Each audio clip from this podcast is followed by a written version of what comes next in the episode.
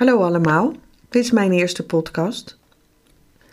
Ehm, ik heb, ik denk al een jaar of 15, misschien wel 20, uh, over allerlei onderwerpen columns geschreven.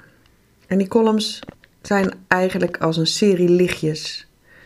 Ze proberen een klein beetje inspiratie, bevestiging of bemoediging te brengen voor wie dat nodig heeft.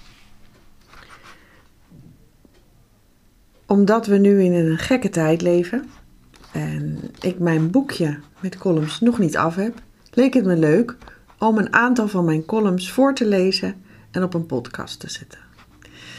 De serie heet dus Lichtjes voor onderweg, zoals ook mijn columnboekje heet. En af en toe zul je weer een nieuwe update vinden. Ze zijn allemaal al eerder geschreven, dus niet specifiek over nu. Um, maar in de algemene zin denk ik dat ze heel erg van waarde kunnen zijn, juist nu.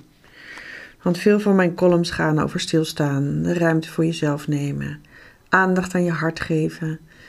Um, het zijn allemaal dingen waar we eigenlijk nu in deze bijzondere fase van het leven toe worden uitgenodigd. Ik hoop dat je mijn lichtjes wilt ontvangen, dat je het leuk vindt, dat het je helpt, dat het je bemoedigt en vooral dat je er veel plezier aan beleeft.